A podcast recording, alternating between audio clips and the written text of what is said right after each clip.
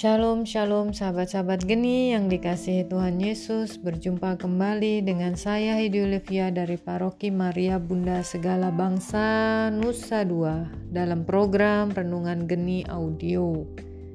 Bacaan harian liturgi Pekan Prapaskah ketiga ini dari Injil Markus bab 12 ayat 28b sampai ayat 34 Nah, kalau kita baca pada ayat 30 dan 31, di situ jawaban Yesus adalah hukum yang terutama ialah Kasihilah Tuhan Allahmu dengan segenap hatimu, dengan segenap jiwamu, dengan segenap akal budimu, dan dengan segenap kekuatanmu.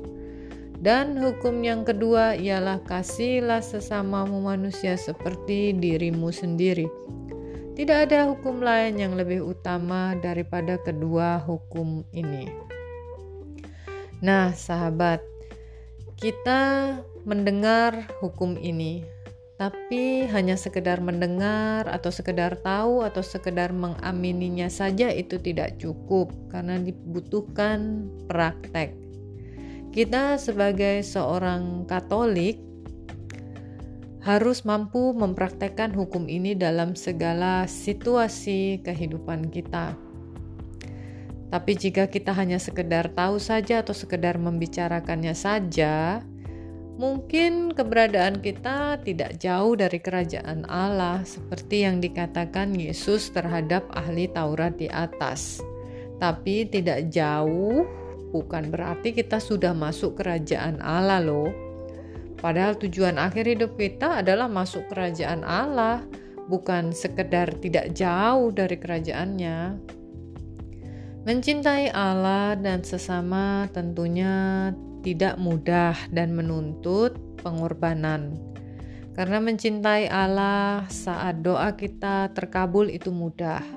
Namun saat segala sesuatu yang kita doakan belum terkabul, dan saat harus mengutamakan pelayanan di mana pekerjaan, situasi keuangan, atau situasi keadaan kita sedang berjalan tidak sesuai dengan harapan kita, tentunya sangat dibutuhkan relasi yang intim untuk benar-benar kita bisa mencintai Allah dengan segenap hati, jiwa, akal budi, dan kekuatan kita untuk tetap setia dan tetap mengandalkan Dia atau jika kita harus tetap mencintai sesama kita seperti diri kita sendiri saat mereka justru sesama yang selalu mengabaikan kita, merendahkan kita dalam pelayanan, atau menyakiti hati kita dalam pelayanan ataupun dalam keluarga.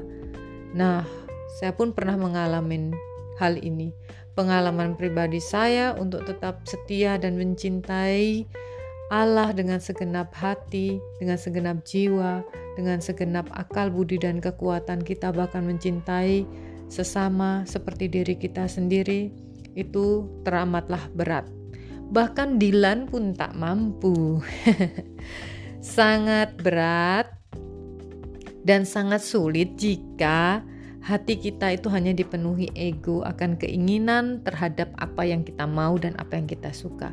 Maka kita perlu untuk tetap mengandalkan Roh Kudus untuk memberikan ruang hati kita kepada sesama, untuk memikirkan dan mengutamakan sesama lebih daripada hati kita sendiri. Nah, bacaan hari ini tuh mengingatkan kita kembali perlunya ketulusan untuk memberikan diri kita pada Allah dan sesama dalam segala situasi, apa pun keadaan kita hari ini. Supaya apa pun yang kita miliki, baik hati kita, jiwa kita, agal budi kita, pelayanan kita, dan uang yang kita dermakan, benar-benar menjadi kemuliaan bagi Allah dan bukan sekedar pencitraan belaka. Marilah kita berdoa. Demi nama Bapa dan Putra dan Roh Kudus. Amin. Allah Bapa di surga, melalui Yesus Putramu, ajarkanlah kami untuk turut perintahmu, melaksanakan dan menjadi pelaku firmanmu. Berikanlah kami hati dan kasih untuk mencintai engkau dan sesama, seperti Bapa yang mencintai anak-anaknya. Demikianlah engkau pasti memberi yang terbaik untuk kami. Melalui roh kudusmu, mampukanlah kami ya Tuhan.